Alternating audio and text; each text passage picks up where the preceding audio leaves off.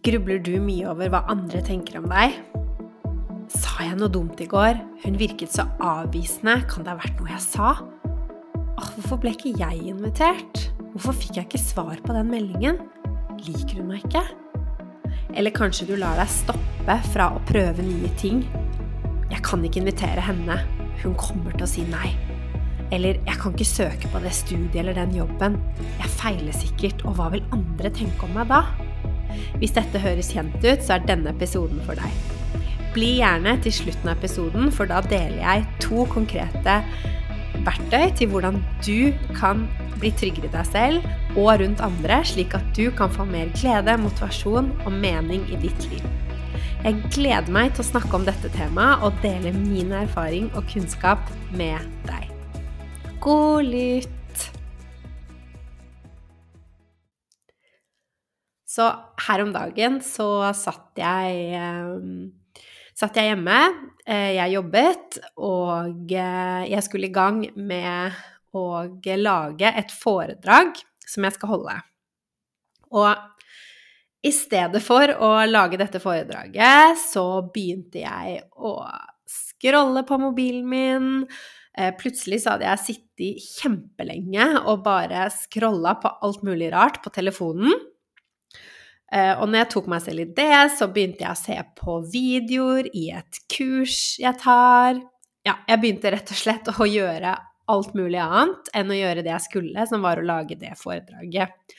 Og det å se det kurset, eh, lære nye ting, det er jo ikke ting som er helt uproduktivt. Det tar meg jo fremover. Samtidig så var det jo ikke det jeg skulle gjøre, og det jeg hadde lyst til å få gjort. Og det var et eller annet som holdt meg igjen eh, fra å eh, begynne å lage det foredraget. Og etter hvert så skjønte jeg hva det var. Eh, jeg har jo blitt ganske godt kjent med meg selv og mine tankemønstre, så jeg klarte rett og slett å catche hva som skjedde. Og det var flere ting som skjedde. Eh, men det ene som er tema for episoden i dag, det var at jeg lot en eh, gammel overbevisning og en frykt jeg har hatt med meg siden jeg var liten, styre meg ubevisst. Og det var frykten for å bli avvist, altså frykten for ikke å ha tilhørighet. Eh, en følelse, en overbevisning om at jeg tilhører ikke andre det å ha tilhørighet, det er ikke noe for meg. Og eh, det var ikke det jeg tenkte bevisst når jeg satt der og skulle forberede foredraget. Eh, de tankene som, som kom eh, rett før jeg begynte å scrolle, var mer noe i den duren Ja, men hva hvis dette ikke blir bra? Jeg vet ikke hva jeg skal snakke om. Hva hvis folk ikke liker det? Hva hvis jeg ikke får fram poengene mine? Og overbevisningen som drev disse tankene, det var denne overbevisningen om at jeg kan ikke ha tilhørighet. Så ok, om du tenker nå Hæ? Hva hva er det hun snakker om? Dette hørtes veldig rart ut. Så hør hele episoden, og jeg lover at du vil forstå mer etter hvert. Så aller først, hva er egentlig en overbevisning? Jeg skal prøve å forklare det eh, veldig kort, eh, så kan du også google, google, det etterpå. Men en overbevisning, det er jo noe som er mer enn en tanke. Eh, for en tanke, den kommer, og så går den mer. Mens en overbevisning, den styrer oss i mye større grad. Eh, og en overbevisning, det er jo en tanke som eh, du har tenkt veldig mange ganger og fått bekreftet.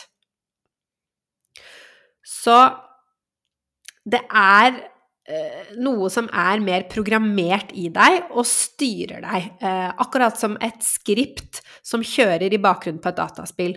I et dataspill er jo bygd opp av ulike skript. Eh, sånn at dataspillet At man bare kan spille spillet, og så ser vi jo ikke hva som skjer i bakgrunnen. Så du sitter og spiller et dataspill uten å tenke over hvordan det spillet er laget i bakgrunnen. Og sånn er det med overbevisninger også. De ligger i oss, og vi legger ikke merke til eh, bevisst at de styrer tankene våre, følelsene våre og handlingene våre i hverdagen.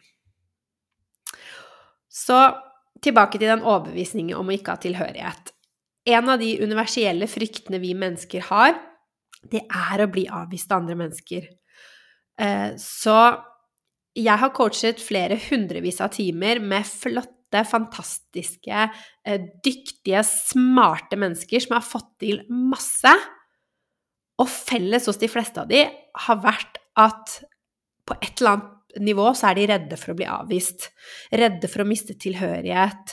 De sitter med en slags grunnleggende overbevisning og følelse av at 'jeg tilhører ikke verden'. Eh, 'Jeg tilhører ikke andre, jeg er alene'. Jeg har ikke mulighet til å, til å føle meg eh, sånn som alle andre. Jeg er annerledes. Og dette er jo ikke noe som de bevisst går rundt og tenker i hverdagen sin. Eh, eller som noen av de egentlig var klar over heller. Det er noe som de har lært i barndommen en eller annen gang, og da fått bekreftet gang på gang på gang. Og så blir det til en overbevisning som ligger de og ubevisst styrer de.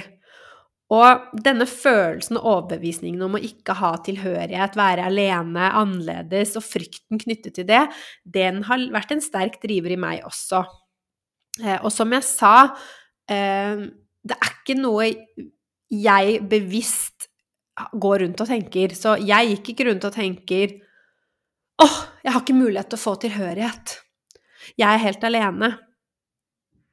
Det utartet seg mer i eh, tankekjør som kom etter at jeg hadde prestert, eh, eller tankekjør og grubling etter å ha vært sosial, redd for å snakke høyt i forsamlinger, eh, utsette oppgaver jeg skulle gjøre, ha eksamensangst, fear of missing out når andre var ute og jeg ikke var med, for å nevne noe. Og jeg hadde en del indre dialog rundt hva andre tenkte om meg. Jeg kunne være med folk, og etterpå tenke åh, burde jeg droppet å si det? Åh, hva tenker de om meg nå? Sa jeg for mye? Sa jeg for lite? Lo jeg for høyt?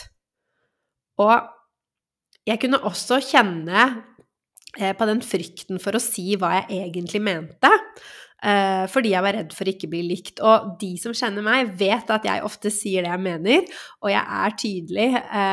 Og, og, ærlig, så jeg sa veldig ofte det jeg tenkte, men jeg kunne sitte med en frykt etterpå over åh, oh, gud, burde jeg bare latt være å si det? Hva tenker de om meg nå? Og det er ikke sånn at alle disse tankene kommer i alle situasjoner, så i noen situasjoner i livet ditt så føler du deg kanskje trygg i, og andre ikke. Sånn er det i hvert fall for meg. Og ikke misforstå. Jeg kan fortsatt ha tanker som prøver å passe på meg, og være der og si 'hei, hei, er du trygg nå'? Er du sikker på at eh, de liker deg? Eh, burde du snakke så høyt? Eh, det kan være situasjoner hvor disse tankene kommer fortsatt. ikke sant? Hva er interessant nok? Er det innafor å si det? Samtidig så dukker disse type tankene opp mye sjeldnere enn de gjorde før. De dukker opp i færre situasjoner, og når de først dukker opp, så er de som regel ikke så intense de følelsene jeg hadde rundt det, det er ikke så intense som de var tidligere. Så det er litt av forskjellen. Og hvordan jeg har kommet hit, det skal jeg dele mer om senere i denne episoden. Så, så hvorfor bekymrer vi oss så mye over hva andre mener om oss? Det er jo hjernen som gjør jobben sin. Fordi hjernens viktigste oppgave er jo å sikre at du overlever. Og fra du er liten, så lagres det Det lagres eh, følelser og opplevelser du har gjort. De lagrer seg som minner i hjernen din. Og de opplevelsene som har, som har hatt sterke følelser knyttet til dem, de prioriteres i hukommelsen. Så de negative tingene som skjer, de lagrer seg oftere med en sterkere intensitet fordi det er viktig for hjernen å huske de sånn at du kan unngå de situasjonene videre og overleve. Så hvis du opplevde noe som utfordrende i barndommen, så lagres det sånn at du er bedre forberedt og kan unngå at det skjer igjen. Og mye av dette ligger lagret i underbevisstheten vår. Og underbevisstheten vår kan være et litt sånn mystisk ord. Kort forklart så handler det om det som ligger utenfor det vi er bevisste. Så utenfor det vi er, det vi er klar over og legger merke til. Så det er som jeg nevnte i stad, det er eh, en programmering eller et skript som kjører i bakgrunnen, akkurat som et skript i et dataspill, og du legger ikke merke til at det er der. Så du kan se for deg underbevisstheten din som et bibliotek av kunnskap som har lagret alt det du har lært, opplevd og observert fra den dagen du var født. Og det er på en måte den drivende makten bak alle dine automatiske responser i hverdagen, og de mønstrene, da. Eh, og den sitter i førersetet på hvordan du nå opplever verden, hvordan du tenker, føler, og hvordan du handler. Eh, så hjernen vår er ganske fantastisk sånn. Eh, den er programmert fordi at du skal kunne ta eh, valg som er effektive i hverdagen. For vi kan jo ikke gå rundt og ta bevisste valg hele tiden. Da ville hjernen vår brukt masse, masse energi. Så utfordringen er jo når vi har overbevisninger som ikke tjener oss, som programmerer oss og styrer oss i hverdagen. Og det er det mange av oss som har. Fordi hverdagen fra vi er født, og gjennom hele barndommen, er jo full av små og store avvisninger. Ikke sant? Som baby så ble du kanskje liggende i, i sengen din eh, for lenge og gråte før noen kom og plukket deg opp. Kanskje noen i barnehagen ikke rakk å trøste deg eller var litt krass mot deg. Kanskje du ble slått eller bitt av et annet barn. Eh, noen i klassen din lo av deg eh, når du skulle snakke høyt. Eh, kanskje foreldrene kritiserte deg om du gjorde feil. Kanskje du ble kalt dramatisk om du hadde overveldende følelser.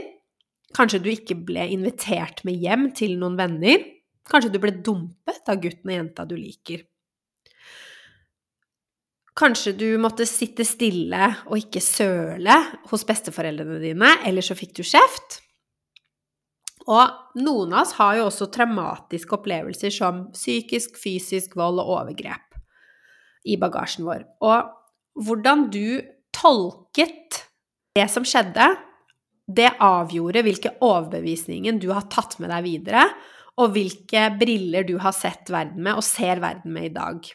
Ikke sant? Så hvis du har veldig mange av disse hendelsene med deg i bagasjen, som mange av oss eh, har, og du da ikke har hatt en trygg voksenperson som har kunnet hjelpe deg da, med å sette ord på det som har skjedd, eh, møte følelsene dine, stå i de vonde følelsene sammen med deg, så kan du ha trukket overbevisninger og konklusjoner om at eh, jeg er ikke god nok, verden er skummel, eh, jeg er alene, det er ingen andre som er som meg, eh, jeg har ikke muligheten til å tilhøre andre. Så det er jo helt normalt å oppleve avvisninger, og det i seg selv trenger ikke å sette dype spor. Så det er ikke avvisningen i seg selv som setter dype spor. Det handler om hvordan du har tolket situasjonen, og hvilke overbevisninger du da har tatt med deg. Så om du hadde noen i livet ditt som, som hjalp deg med å trygge, forklare og møte og stå i de vanskelige følelsene og opplevelsene med deg, så er det større sannsynlighet for at du faktisk ikke har fått så dype sår.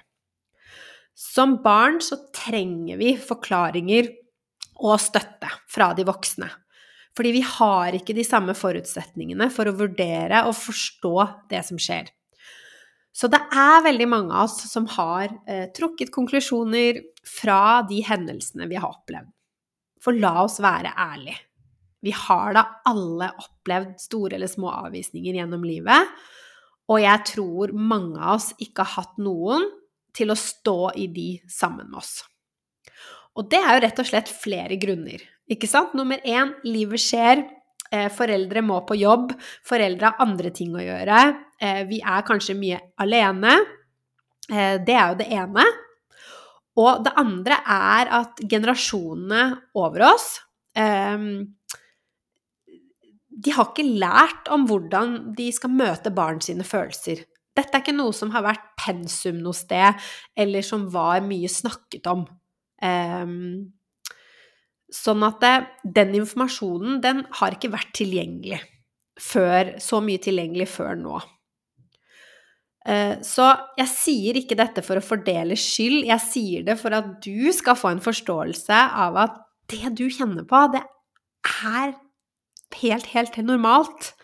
Og det er noe du har lært deg, og det betyr at du også kan lære deg av med det, sånn at du kan ha det annerledes. Og det er jo det som er så utrolig, utrolig fantastisk. Så hva er å stå i følelser sammen med noen, litt sånn kort forklart? Så her er et eksempel. La oss si at du sitter hjemme. Så ser du på sosiale medier at alle vennene dine er ute på noe sammen, og du er ikke invitert. Og hvis du er som meg og opplever det, så får du kanskje en klump i magen, kanskje du kjenner på en uro, kanskje du blir lei deg. Eh, og så forteller du det til noen som står deg nær, eh, om det er en kjæreste, en venn, en forelder. Så har du to scenarioer. Så la oss si dette skjer, og du forteller det til noen rundt deg. Og denne personen svarer ja, men det er jo ikke så farlig. Du blir jo sikkert invitert neste gang. Hev deg over det. Hvis du blir så urolig av å se det, så kanskje du ikke skal være så mye på sosiale medier, da. Herregud, logg deg av. Eh, inviter noen andre venner over. Det er ikke noe stress. Null stress. Så hvordan Kjenn litt etter. Hvordan får denne tilbakemeldingen deg til å føles? Så har vi scenario nummer to. Du forteller dette til en som står deg nær. Eh, du forteller at 'Å, eh, venninnen min er ute. Eh, jeg var ikke invitert. Å, jeg kjenner meg litt urolig. Jeg er litt lei meg.'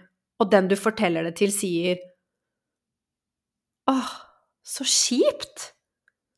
Det gir mening at du, at du blir opprørt av det. Har du lyst til å snakke med meg om det? Jeg lytter veldig gjerne. Så hvordan kjennes det ut å få en sånn respons?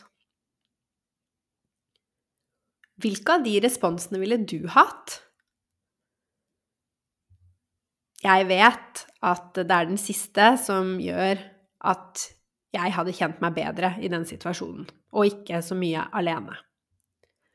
For det verste i livet, det er ikke å oppleve ubehagelige følelser, ubehagelige situasjoner.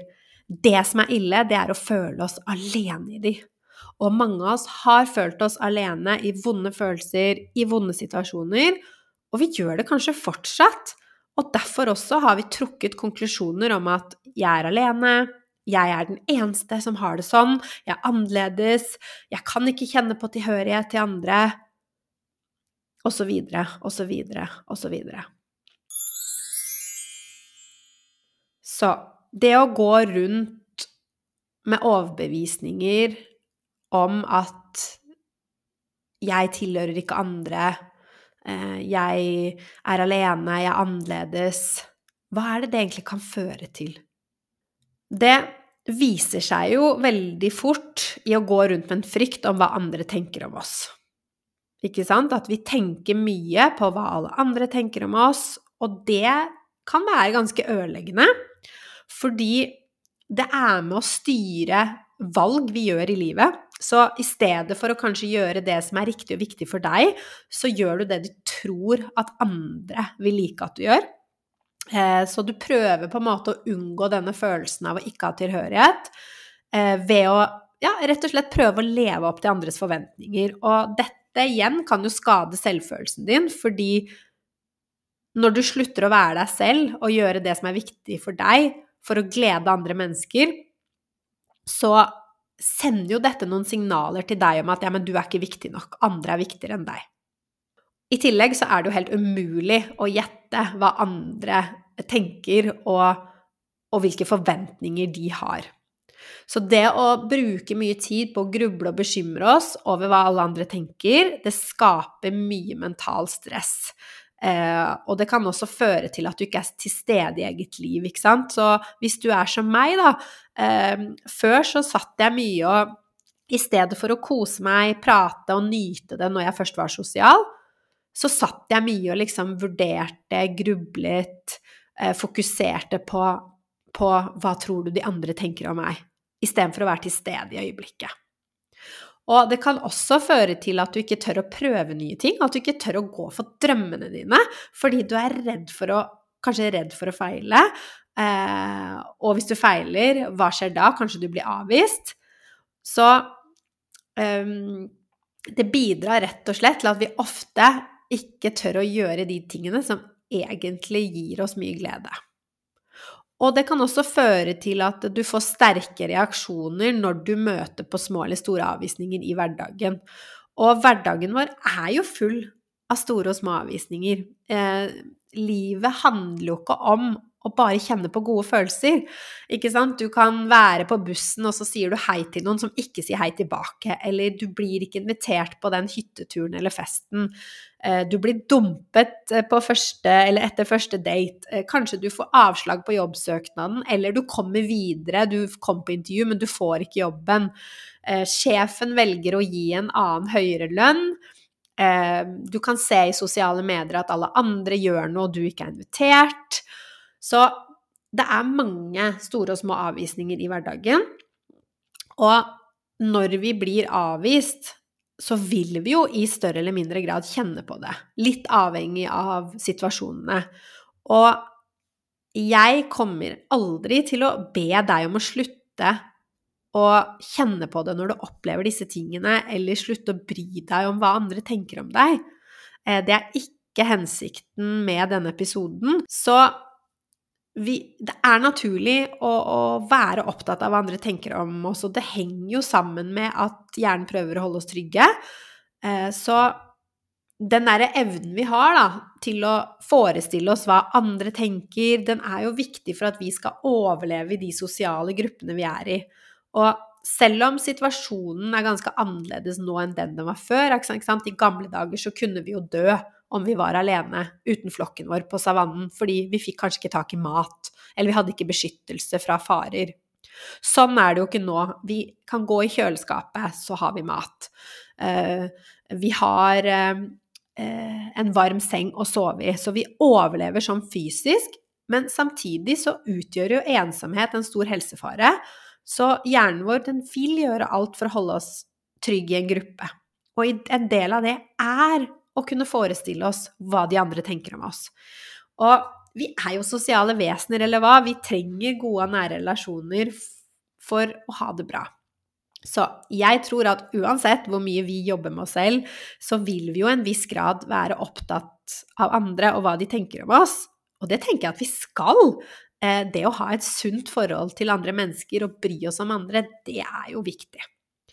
Likevel så vet jeg at ved å endre på gamle overbevisninger, så er det mulig å bry seg litt mindre om hva andre tenker, eller for å si det på en annen måte, ikke la det påvirke oss så mye at vi føler oss dårlige, uh, unngår å gjøre ting vi egentlig vil, prøver å please andre.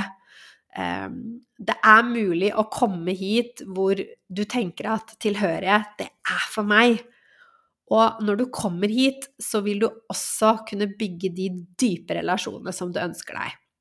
Fordi om du går rundt i hverdagen og er programmert til å tenke at tilhørighet er ikke for meg, eh, jeg er alene, jeg er annerledes, eh, et eller annet sånn i den duren, så vil jo det eh, eh, altså føre til at du tar handlinger basert på den overbevisningen. Så la oss si da du er i en gruppe, så er du ikke så til stede kanskje du ikke tør å by på deg selv. Fordi du har allerede en overbevisning om at ja, men det er ikke noe for meg å ha tilhørighet. Så sitter du der, da, og så kanskje du ikke byr på deg selv. Kanskje du ikke deler. Og da er det jo ikke så lett for andre å bli kjent med deg heller. Så når du holder din gard oppe, så vil det være også en større sjanse for at andre setter opp sin gard og holder deg på avstand. Så en av de tingene som gjør at vi kan bygge dype relasjoner med andre, det er jo å by på oss selv. Det er jo å være sårbare, fordi når du er sårbar, så er det også lettere at den andre føler seg trygg og tør å være sårbar tilbake, og da bygger dere to en dypere relasjon. Jeg tenker at det er utrolig viktig at vi alle kommer hit hvor vi kan kjenne at men jeg har en plass, jeg har mulighet til å få tilhørighet, slik at vi kan ha dypere relasjoner og et liv med mer mening og glede. Og poenget er ikke at du skal føle det med alle. Du trenger ikke å føle at du har tilhørighet med alle, altså med alle være sårbare rundt andre. Eh, det er bedre å ha noen få dype og nære relasjoner enn veldig mange overfladiske relasjoner. Det tenker i hvert fall jeg. Hvordan komme hit? Det er jo ikke et eh, rett frem-svar, og det er en prosess å komme hit. Og jeg skal ikke sitte her og påstå at jeg har alle svarene for deg, fordi jeg tenker at du, du har svarene for hvordan du skal komme hit. Du har svarene på hvilke overbevisninger du har med deg, hva du kjenner på, hva du gjør for å flykte fra dine følelser. Og kanskje det ikke føles ut sånn akkurat nå at det er du som sitter på svarene, men det vet jeg du gjør. Og kanskje du ikke akkurat nå vet hvordan du skal komme deg dit. Det vil du finne ut av så lenge du stoler på at det er mulig for deg å endre deg, og det er mulig for deg å komme dit, og det vet jeg at det er. Så Min reise har som sagt vært lang. Jeg har brukt ulike verktøy for å komme hit. Det var ingen magisk tryllestav. Det er jobbing, øving, det er feiling. Og så er det tid. Jeg har brukt tid. Så det aller første, det var jo at jeg lærte meg hvordan hjernen vår fungerer. Jeg har tatt sertifiseringer, kurs, utdannelse. Jeg har lest, jeg har lyttet til videoer, podkaster, you name it. Så jeg har lært meg hvordan hjernen vår fungerer, sånn at jeg kan forstå hvordan jeg kan spille på lag med hjernen. Og så har jeg jobbet med å bli klar over hvilke begrensende tanker er det jeg har som holder meg igjen? Eh, hvilke følelser er det jeg rømmer fra? Og hvilke strategier bruker jeg for å rømme fra følelsene mine? Og strategier for å rømme fra følelser kan jo være tankekjør, grubling, bekymring, redd for å holde presentasjoner, la være å gjøre noe du er redd for, utsette ting, unngå å være sårbar i en relasjon, spise noe søtt, scrolle på sosiale medier, tenke negativt om andre, ja, for å nevne noen. Og dette er jo mestringsstrategier som vi gjør for å unngå å kjenne på de vonde følelsene vi, vi får når vi tror at vi f.eks. ikke har tilhørighet. Så jeg ble bevisst på hvor, hvor kom disse følelsene fra, disse overbevisningene fra, og så fikk jeg en forståelse om at ok, ok, det er ikke den jeg er. Dette er sånn hjernen min fungerer. Jeg har lært meg noen ting i barndommen som ikke funker så bra for meg. Og siden jeg vet at jeg har lært det, det er ikke, jeg er ikke født sånn, så er det noe jeg også kan endre på. Så det var første steget. Og så har jeg jobbet med diverse ulike endringsteknikker for å endre på de, dette, og i de teknikkene som eh, jeg bruker, på de jeg eh, jobber med, eh, så bruker jeg tankene våre, forestillingsevnen vår og følelsene våre. For å da bygge nye overbevisninger, kvitte oss med de gamle, en ny måte å se deg selv på, se andre, se verden og situasjoner på. Og jeg har lært meg og har teknikker for å kjenne igjen egne følelser, møte følelsene og stå i følelsene og lytte til dem. Og sist, men ikke minst, minst, så har jeg begynt å praktisere det, rett og slett. Um, vi kommer jo ingen steder hvis ikke vi øver, så jeg har begynt å eh, ta sjanser. Eh, jeg gjør masse av de tingene jeg syns er skummelt. Jeg er mer sårbar. Jeg startet eget business. Um, så det er masse jeg gjør hele tiden for å utfordre den gamle måten jeg hadde å tenke på, atferden min. For jo mer jeg opplever og gjør de tingene som gir meg glede, selv om jeg kan kjenne en frykt, jo bedre har jeg det med meg selv. Og jo mer jeg tester, eh, utforsker og utfordrer meg selv i de ubehagelige situasjonene som jeg har lyst til å, å gjøre, jo mer lærer jeg at det ikke er farlig. Så yes, det å ta små steg og øve seg over tid, virkelig nøkkelen til suksess. Og for meg så har det ikke skjedd over natten. Eh, jeg har brukt mange år, samtidig så vet jeg det er mulig å komme hit. Og det er også mulig å komme hit raskere enn jeg har gjort, det tror jeg, og det ønsker jeg også for deg. Og jeg er heller ikke et ferdig resultat. Eh, jeg har mine greier eh, som jeg jobber med, trust me, og jeg tenker at det er sånn det skal være òg. Eh, så jeg tenkte å dele med deg at jeg skal inn i en prosess nå hvor jeg skal jobbe med en veldig dyktig coach, hvor jeg jeg tipper at denne overbevisningen om mangel på tilhørighet fortsatt holder meg igjen på noen områder. Og jeg gleder meg derfor til å ta tak i det og jobbe videre med det. Så jeg driver jo også med mye selvcoaching. Jeg sitter på en del teknikker og verktøy som funker, men samtidig så er effekten av at en annen stiller meg disse spørsmålene og hjelper meg, er helt uvurderlig, fordi jeg har jo også mine blindsoner. Eh, så det gleder jeg meg veldig til, og jeg gleder meg til å dele mer om den prosessen eh, med deg. Eh, fordi jeg vet at når jeg deler mine prosesser med deg, så kan du få de innsiktene fra meg, og forhåpentligvis bli, bli inspirert, og, og, få noen eh, verktøy og tips du også kan bruke på din reise. Så jeg lover å dele mer om den reisen i senere podkastepisoder. Eh, i medlemskapet mitt, som åpner snart, så deler jeg alle de verktøyene jeg har brukt så langt. Ehm, og siden jeg hele tiden utvikler meg, så vil det komme nye verktøy, eh, nye refleksjoner, nye ideer. Eh, så dersom du er interessert i å høre om medlemskapet mitt, så kan du melde deg på e-postlista mi. Eh, så vil du få informasjon om det og når det åpner. Og i e-postlista mi så deler jeg også tanker, opplevelser, verktøy. Så meld deg gjerne på. Jeg legger ved link i episodebeskrivelsen. Men hva kan du gjøre akkurat nå? Vi vet at det å søke støtte i andre og dele hvordan vi har det med en annen, er helt uvurderlig. Så snakk med en du føler deg trygg på og stoler på. Du kan øve deg nå på å begynne å være sårbar med en som står deg nær. Um, og du trenger ikke å starte med det som er det aller mest sårbare med en gang. Eh, du kan begynne med noe litt mindre, noe som er litt mindre farlig. Eh, men det å dele følelsene våre, det vet vi at gjør at vi har det bedre. Så finn en du er trygg på, en du tenker at vil møte deg på en god måte, om det er en forelder, besteforelder, lærer, venn, kollega. Så Del med en du, du, tenker at vil møte deg på en god måte, og start med noe litt mindre i starten. Og når du har delt noe én gang, og du har opplevd at det går bra, så vil det være lettere for deg å dele neste gang.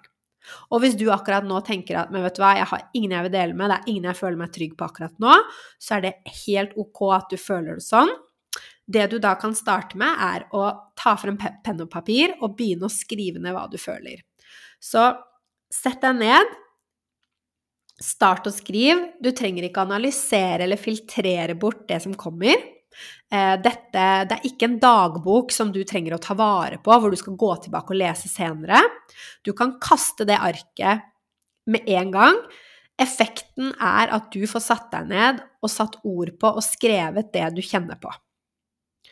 Om det bare kommer ett eller to ord første gang du gjør det, så gjør det ingenting. Bare øv deg på å sette ord på det du føler. Så øv deg på dette fremover, og husk at du nå øver. Om du ikke får til å være sårbar ved første forsøk, klarer å skrive mer, noe mer enn ett ord, så er det helt ok. Eh, de beste skiløperne de blir ikke gode på første forsøk. Eh, de trener og trener og trener og trener, og de har også trenere til å hjelpe de å bli dyktige. Det samme er det når du skal øve på dette. Og minn deg selv også på at det lille frøet blir ikke til en stor plante ved første vanning, eller de tiende gangene du vanner, for den saks skyld. Det er først når det har fått vann, næring og sollys over tid, at den planten blomstrer. Jeg håper du fikk nyttig læring i denne episoden. Det viktigste jeg håper du sitter igjen med, er at du er helt normal om du også er redd for hva andre tenker om deg. Det er naturlig. Du er ikke alene i å ha det sånn. Og om du kjenner nå at 'åh, jeg har ikke lyst til å ha det sånn lenger', 'jeg har lyst til å kjenne på mer tilhørighet', 'jeg har lyst til å ha dypere relasjoner', 'jeg har lyst til å gjøre mer av de tingene som gir meg glede', så vit at det er mulig å jobbe med deg selv, sånn at du kan oppnå dette. Følg meg gjerne på Instagram eller TikTok. Og om du likte denne episoden, så legg veldig gjerne igjen en rating og kommentar. Send meg en melding, og del veldig gjerne videre. Jo flere som får dette budskapet, jo flere som kan få det bedre. Min visjon er at dette skal nå ut til alle, og etter hvert at faget blir en del av det vi lærer på skolen. Og for å få til dette, så trenger jeg din hjelp. Takk for at du lyttet. Ha det bra.